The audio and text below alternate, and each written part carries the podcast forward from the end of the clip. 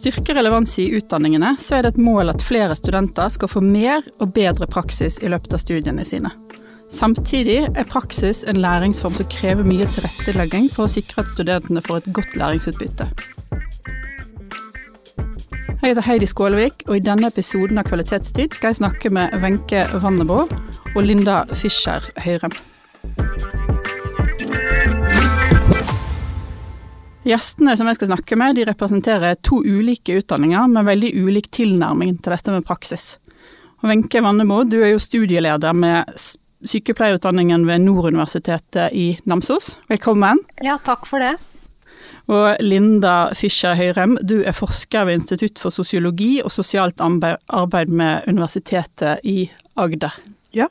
Velkommen, begge to. Aller først har jeg lyst til å starte med å snakke litt om hvorfor er det praksis i utdanning er så krevende. Kan du Wenche starte med å si litt om det eh, fra ditt, eh, der du står i sykepleie? Ja, altså praksis utgjør jo 50% av sykepleierutdanninga, og det er jo helt avgjørende at vi får til et nært og godt samarbeid med praksisfeltet for at vi skal ha høy kvalitet på utdanninga. Det er mange samarbeidspartnere vi må ha en god dialog og relasjon med, både innenfor kommunal helsetjeneste og innenfor helseforetakene, og det kan være krevende i seg sjøl. Eh, vi er, altså det her med informasjonsflyt, at det er en god informasjonsflyt, det er nødvendig at vi har en god dialog mellom partene når det gjelder ansvar, roller og behov. Så, så vi må få en sånn gjensidig forståelse for hva som er formålet med praksis, hva studentene skal lære, og hvordan eh, de skal lære det de skal lære da. Eh, og så har jeg òg lyst til å trekke fram kanskje den største utfordringa, som er tilgangen på antall praksisplasser. Både det at vi, at vi, får nok antall plasser i forhold til ønska utdanningskapasitet, og i noen tilfeller og kvaliteten på praksisplassene. Det vil si at vi får gode praksisplasser der studentene faktisk får mulighet til mange og varierte læringssituasjoner, sånn at de kan oppnå læringsutbyttene. Mm. Så det er vel kanskje det som er hovedutfordringene når det gjelder praksis på sykepleierutdanninga spesielt. da. Ja. Eh, vi skal jo snakke litt om hvordan, uh, hvordan, dere jobber med det, og hvordan dere løser det sant, på, på Nord universitet, i prosjektet du uh, jobber i. Ja. Um, kan du også, Linda, fortelle litt om uh, ditt ståsted og, og, og, din utdanning, hvorfor praksis er krevende? Ja, så vi er jo Rød tråd-prosjektet er jo knyttet opp mot master i barnevern her på UiA. Og det er jo mye av de samme tingene som det Wenche sier. ikke sant? Det, hvordan er det du skal få til eh, god kvalitet på, på, praksisen når studentene skal være mye ute i praksisfeltet? Så per i dag så er det ca. ett år av de fem årene som er ute i praksisfeltet i løpet av det, det studieløpet.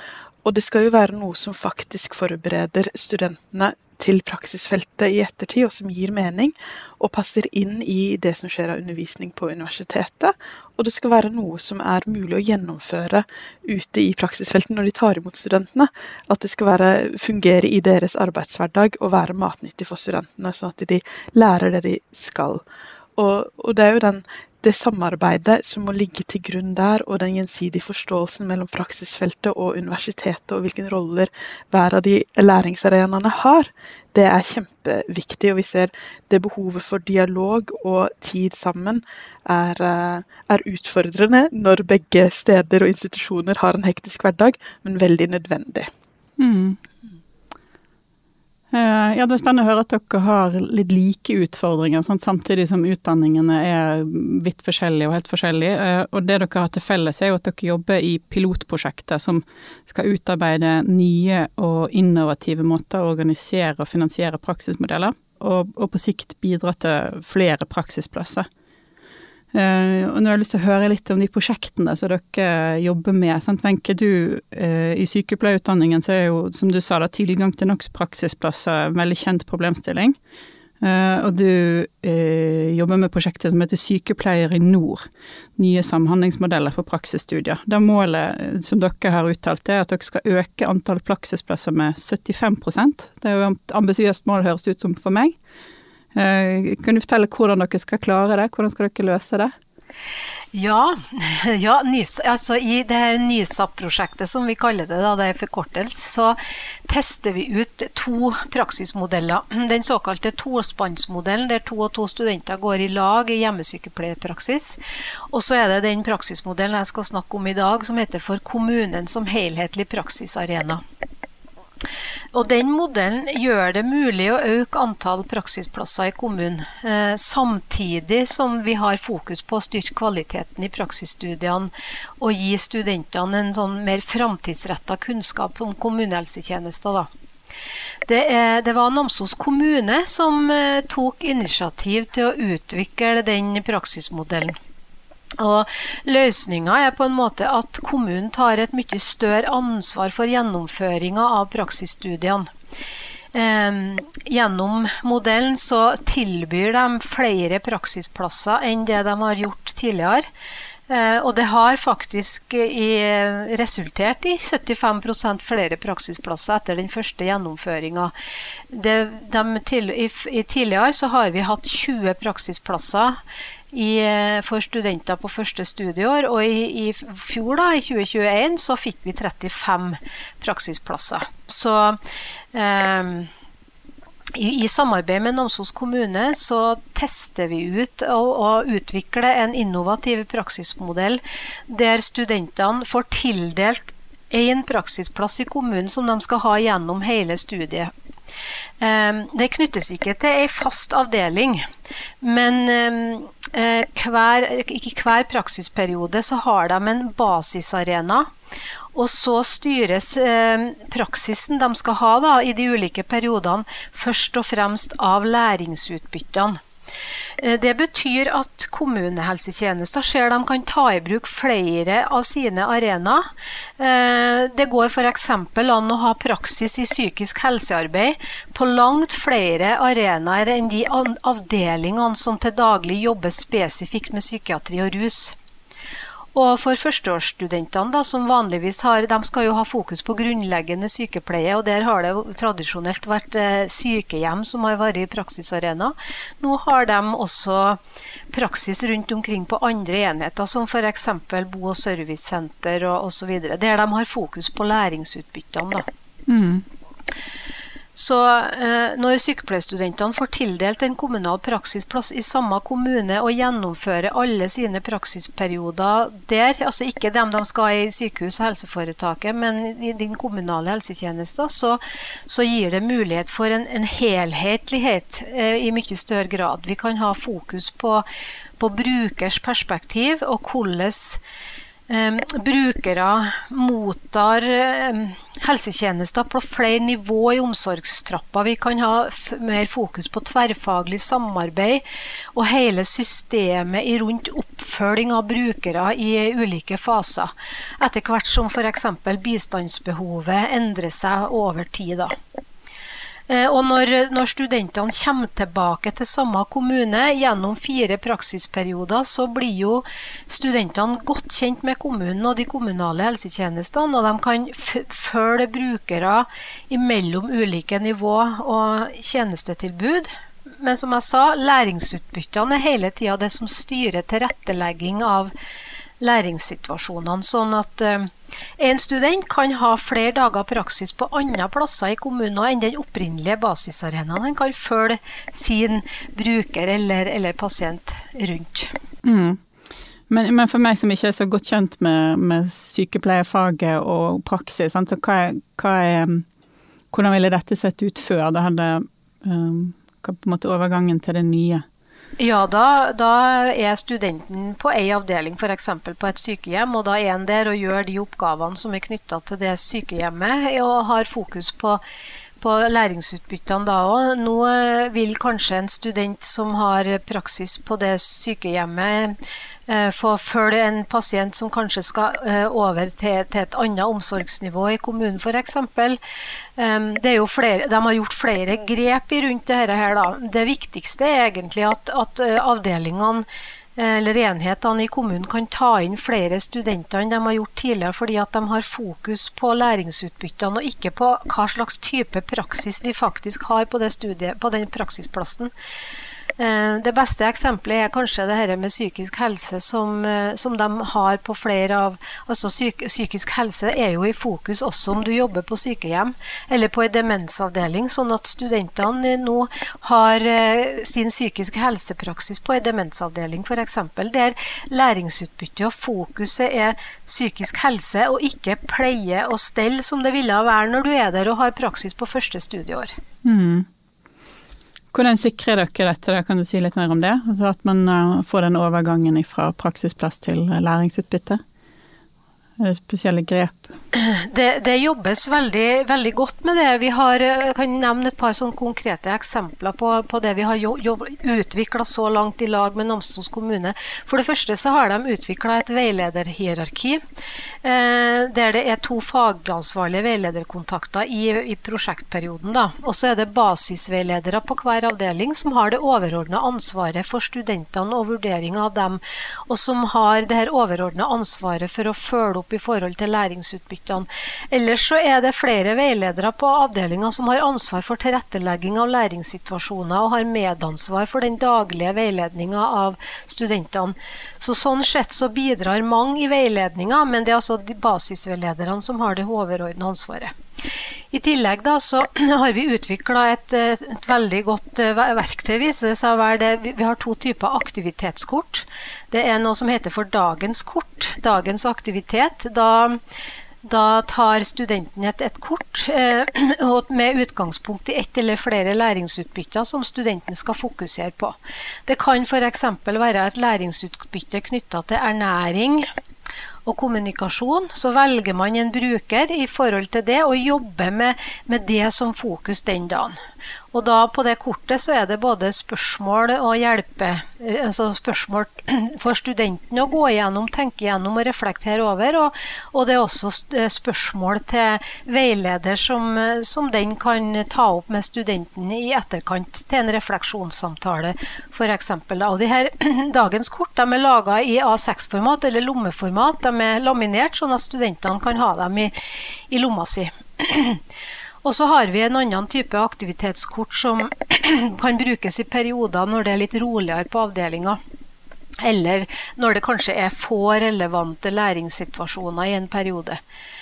Da kan f.eks. et aktivitetskort være å plukke ut en bruker og se på legemiddellista til den brukeren. Se på indikasjon, mulige interaksjoner, kanskje kontakte en farmasistudent på tredje studieår og gjøre en tverrfaglig legemiddelgjennomgang. Hvis man ser at det er kanskje en, ikke alt er sånn helt som det skulle være på den legemiddellista, så kan det hende at studenten skal følge opp videre overfor legen til, til den brukeren, f.eks. Så både det her med, med et veilederhierarki og gjennom bruk av aktivitetskort som er veldig målretta inn imot læringsutbyttene, da, så sikrer vi at, at de jobber med læringsutbytter. Mm. Du sa jo at uh, man får større fokus på læringsutbytte, og, og dere har uh, nådd det ambisiøse målet sant, med å øke kapasiteten med, med 75 Er det andre gevinster som dere ser allerede i prosjektet? Vi ser i hvert fall at, at, studentene har et mye større fokus på læringsutbytte enn tidligere. De, eh, de setter sin egen læring i sentrum helt fra starten av. De får et mye mer bevisst forhold til hva de skal lære, og de tar tidlig grep om sin egen læringsprosess. Mm. Og så er vi jo veldig spent på et av målene som Namsos kommune er opptatt av. Det er jo det her med hvorvidt vi klarer å rekruttere flere studenter til å begynne å jobbe i kommunehelsetjenester etterpå. I hvert fall så sier studentene at de syns det er veldig spennende å få være med og se den denne kommunale praksisen fra, fra sånne, altså litt mer variert side, og at de får delta i tverrfaglig samarbeid. Vi har bl.a. fått til mm, jobbe mye med hverdagsmestring, både innenfor psykisk helse og innenfor hjemmetjenester. Der har vi kobla på sånn som kjøkkenet, som jobber med ernæring. Sånn at eh, studentene har fått uh, sett litt hva som gjøres på det feltet. Mm. Vi har fått et nytt syn på, på den kommunehelsetjenesten, ja, altså hvilke jobbmuligheter er det der? Ja, vi er, vi er, veldig spent på det. Vi har vi gjennomførte en undersøkelse eh, blant alle studentene før vi starta opp prosjektet, for å se hvor, hvor ønsker de å søke seg jobb etter eh, endt utdanning. Og så skal vi gjennomføre det samme undersøkelsen når det her studentkullet her da, som starta med prosjektet i fjor, er ferdig. Så da får vi se om det har hatt noe, noe effekt eller noe ønska gevinst på det området òg. Mm. Ja, det blir spennende å følge videre. Mm. Helt på, på, slutten av året i fjor så lova jo eh, regjeringen 500 nye studieplasser på sykepleie fra, eh, allerede fra høsten 2022. Uh, eh, og det kom en sånn umiddelbar tilbakemelding fra sykepleierutdanningene at praksisplasser er den store flaskehalsen for å utdanne flere sykepleiere. Tror du at denne modellen er en del av løsningen? Ja, jeg, jeg syns i hvert fall det er veldig spennende å, å tenke det. Jeg tror innenfor kommune, kommunehelsetjenester så kan det absolutt være mulig. Vi vet jo at uh, helseforetakene og sykehusene er en stor flaskehals, men når vi får gjort oss noen gode erfaringer med denne modellen, så er det interessant å se på om det òg kan ha noe, noe av det kan ha overføringsverdi til, til, sykehuspraksis. Men eh, så langt så syns jeg det, det, er oppløftende resultater. Det virker som at kommunen klarer godt å håndtere et såpass stort, eller større antall studenter. Da. Mm. Ja, Vi skal snakke litt også med, med Linda og hennes prosjekt uh, før, vi, ja, mm, før, vi, går videre til hvordan, hvordan, andre skal få del i dette prosjektet ditt, eh, Wenche. Uh, Eh, Linda Universitetet i Agder har igangsatt eh, den aller første integrerte femårige masterutdanningen i barnevern i Norge, og praksis inngår nå i fire av studieårene, så dette er den eneste barnevernsutdanningen der studentene er i praksis også på masternivå. Eh, og du nevnte prosjektet ditt Rød tråd, nye praksismodeller for barnevernsstudenter. Og der har jeg forstått at dere også utfordrer hele praksisbegrepet. Kan du fortelle oss litt mer om det? Ja, det kan jeg jo gjøre. Så det at vi utfordrer og utvider praksisbegrepet, er jo um, et forsøk her på hvordan vi kan få, sikre bedre praksis og bedre kvalitet på praksis, og nettopp for å få lært studentene det de trenger. Så prosjektet vårt har jo som eh, et hovedmål å kunne utvikle og prøve ut og evaluere nye praksismodeller og måter å organisere dette samarbeidet mellom kommunalt og statlig barnevern og universitetene. Og i det så ønsker vi jo da å utdanne mer kompetente barnevernsarbeidere som kan stå i det krevende arbeidshverdagen på en god måte. Og da ser vi jo at praksis trenger å inneholde ikke bare liksom den teoretiske kunnskapen eller ferdighetstreningene, men det trenger også å inneholde den personlige utviklingen eller dannelsen hos hver student. Så den biten av kompetanse som handler om holdninger og verdier, og hvordan man skal eh, integrere det og sin egen livsfortelling med faget og med de ferdighetene som kreves for den jobben. Så det er det jo som er den røde tråden da gjennom utdanningene, er hvordan er det vi får til samspillet mellom teori, ferdighetstrening og utviklingen av holdninger og verdier gjennom praksis. Og grunnlaget for mye av det samarbeidet som vi gjør i Rød tråd, og det som vi har som utgangspunkt som vi prøver ut, er dette her med Universitetsbarnevernet. Som er et samarbeidsorgan mellom UiA og den kommunale barnevernstjenesten og den statlige barnevernstjenesten i Bufetat. Så, så, det er ikke det at um, det er flere universiteter som har det type samarbeidet uh, der, men det som er litt annerledes med Universitetsbarnevernet, er at det er et forpliktende og langvarig samarbeid. Og det er jo det på en måte samarbeidsarenaen som har ført frem til denne femårige integrerte masteren, og nå da rød tråd praksis. Så, så det er en, et spennende sted nettopp for å få til den gode dialogen mellom undervisnings- uh, og universitetsarenaen og praksisarenaen, sånn at vi kan sikre at studentene får det de trenger ut av praksis, og at det kan være berikende for praksis og passe inn med undervisningen de får. Mm. Men du sa dere utvide og utfordre hele praksisbegrepet. Kan, kan du forklare litt mer sånn konkret, hva betyr det? Ja, så En av de tingene da vi gjør når vi skal ha praksis inn på masternivå, er jo det å ta det fra å gå rundt og bare på en måte være med og observere hva som blir gjort, til å knytte det mye mer inn til læring og til refleksjon rundt deres eget, måte, studentenes egen rolle inn, inn, i praksis. Og Det ligner jo litt på det som Wenche også beskriver her, med at du har disse eh, læringsutbyttene på kort, så du har med deg. Så det er en sånn aktiv del av, av det å være med i praksis, istedenfor å gå rundt og, og bare etterape. Så det er en, hvordan er det man får til den eh, reflekterende praksis, hvor du arbeider inn med dine egne holdninger og verdier i møte med familier og kriser. Så helt konkret, måten vi prøver å løse det og jobbe med det i prosjektet, er Én ting er det vi kaller rød tråd-samlinger, som går gjennom alle fem årene som studentene får um, jobbe mye mer aktivt med sin egen fortelling inn i praksis, og har ulike oppdrag som de skal løse på forskjellige måter. Som f.eks. jobbe med hvilke verdier har du med hjemmefra, hvordan påvirker det deg i møte med andre mennesker, hva er det du ikke vil ha med deg. Så vi har, vi har lager en sånn um, nesten en skattkiste da, av forskjellige typer oppdrag og oppgaver som da underviserne kan bruke i disse rød tråd-samlingene gjennom hele studieforløpet, som hjelper å lage et rom for disse samtalene og hvor de kan integrere teori og det de lærer i praksisfeltet. Det er en reflekterende digital bok som studentene får til å skrive ned, som også går gjennom fem år, hvor de får utdelt ett og ett kapittel for hvert år de går. Hvor de får knytta sammen læringsutbyttemålene som står i eh, emnebeskrivelsene, og noen spørsmål for å integrere hva det er de jobber med. Så den tror jeg kan bli veldig spennende, og den utvikler vi jo sammen med både studentene, underviserne og praksisfeltet. Også det, det er det reflekterende praksis som er et studieemne på masternivå, som vi jobber med. Hvordan er det vi får til disse refleksjonsfellesskapene? For da på masternivå så skal jo studentene også tre inn i et fagmiljø på en litt annen måte enn på bachelornivå, og ha denne på en måte gjensidige refleksjonsutvekslingen med praksisfeltet. Og så Der jobber vi fortsatt med konkret hvordan det skal se ut, men der er vi også i samarbeid med fagmiljøet og kommunen og med Bufetat for å se hvordan dette passer inn i deres eh, overordna kompetanseplaner i barnevernet. Og så Den siste på en måte, helt konkrete tingen er jo at vi jobber med hvordan er det veilederne, som er så studentmentorene, som er ute i praksisfeltet og som jobber i barnevernet, som tar imot studentene, hvordan skal de jobbe konkret, sånn at de kan ta imot den mengden studenter som vi, vi trenger at de tar imot for å, å, gjennomføre et femårig masterløp med praksis i hver periode. Hvordan er det studentene skal ta imot dem, og hvordan er det studenten, studentveilederne også skal kunne lage disse rommene for disse samtalene.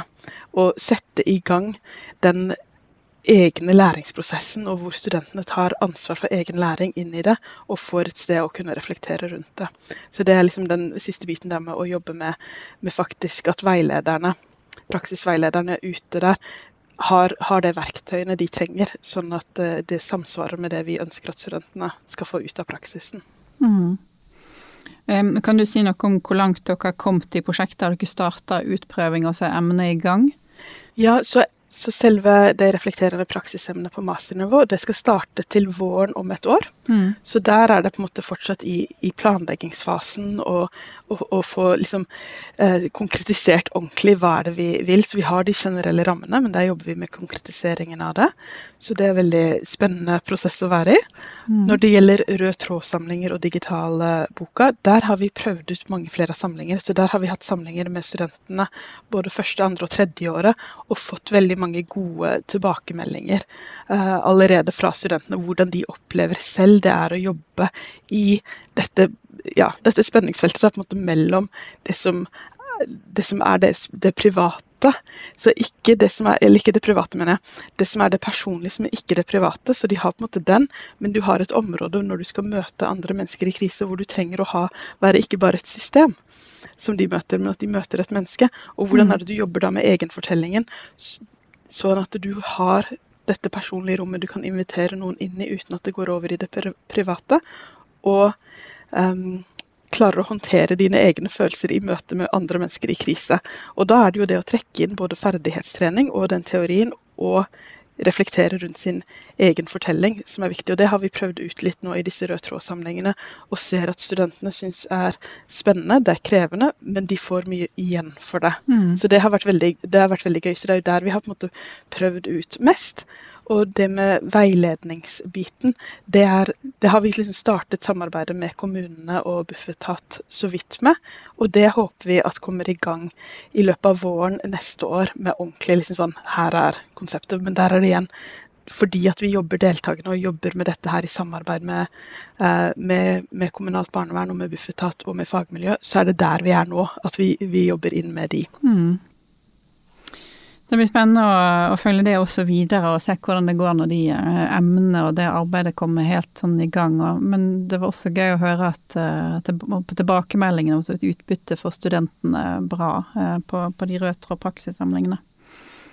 Det, vi har lyst til, det jeg har lyst til å snakke litt om videre, er jo hvordan andre kan ta dra nytte av de erfaringene dere gjør sant, i de to prosjektene deres. Eh, det dere òg har til felles, er jo at dere får støtte i en ordning som heter Pilotordning for kommunal praksis i helse- og sosialfagutdanningene. Eh, og det litt spesielle i den ordningen er at det er tildelt 100 millioner kroner til noen få, men store prosjekter. Eh, og vi har ganske store forventninger eh, til prosjektene som har fått den tildelingen, om at resultatene da skal, skal spres og bidra til endring i, i, bredden av norsk høyere utdanning. Så jeg har lyst til å høre fra begge to hvordan dere jobber med, med akkurat spredning av prosjektresultater. Vil du, Wenche, fortelle litt om det? Ja, vi er jo litt opptatt av det sjøl òg. Eh, så langt så har vi vært litt rundt omkring i Trøndelag og snakka. Eh, fått vært med på noen konferanser sånn. Men det vi gjør, er jo at vi prøver å beskrive og dokumentere modellen etter hvert som den utvikler seg og rulles ut. Og vi, vi har følgeforskning. Så vi har gjort en del intervju allerede med både studenter og praksisveiledere. Så planen er jo å, å, begynne å publisere artikler. I første omgang skal vi skrive en fagartikkel nå, men etter hvert også vitenskapelige artikler som, som vi skal prøve å få publisert da, i sykepleien, f.eks. Sykepleiertidsskriftet.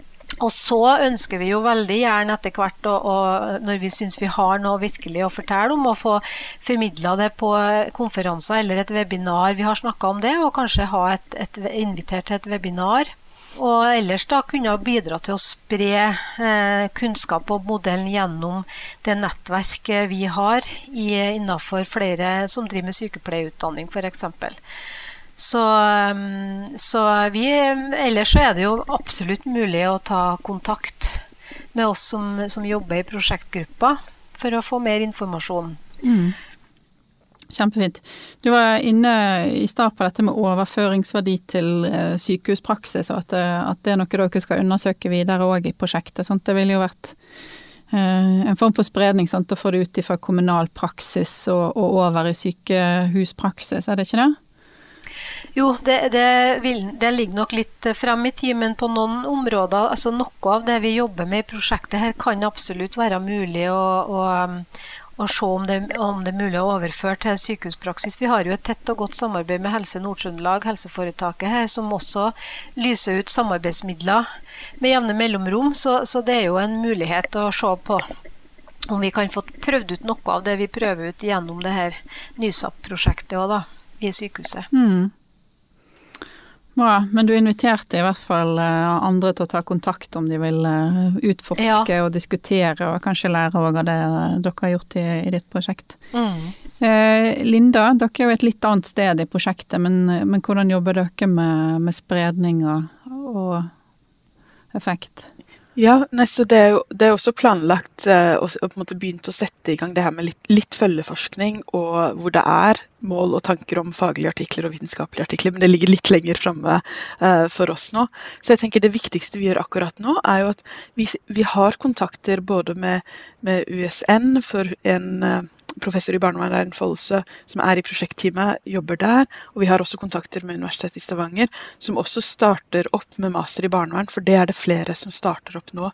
Um, så der er, har vi på en måte en dialog klar og eh, kan gå inn og prate litt om disse tingene her. Så det er på en måte en gjensidig interesse her som vi, som vi eh, drar nytte av.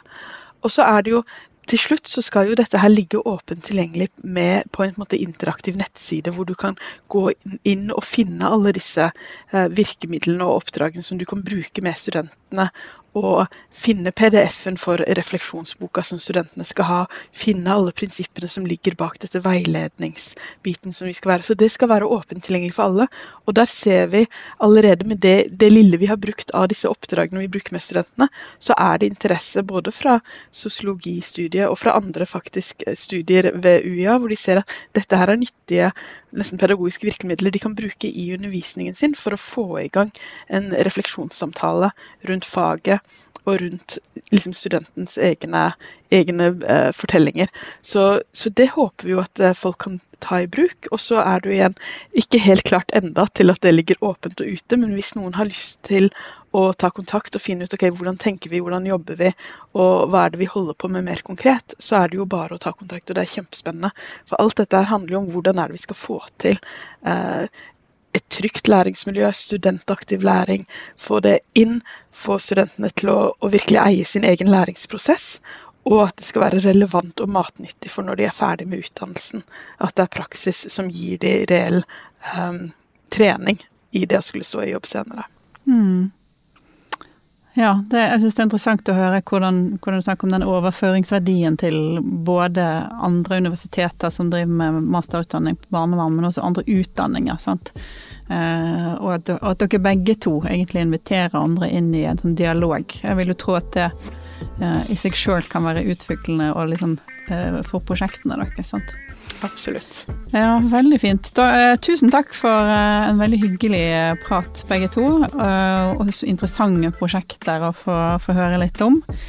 Eh, vi avslutter for nå. Tusen takk Wenche og Linda for at dere vil være med i podkasten og, og, dele av erfaring. Og lykke til videre med arbeidet. Eh, vi høres. Takk skal du ha. Ja, takk for det.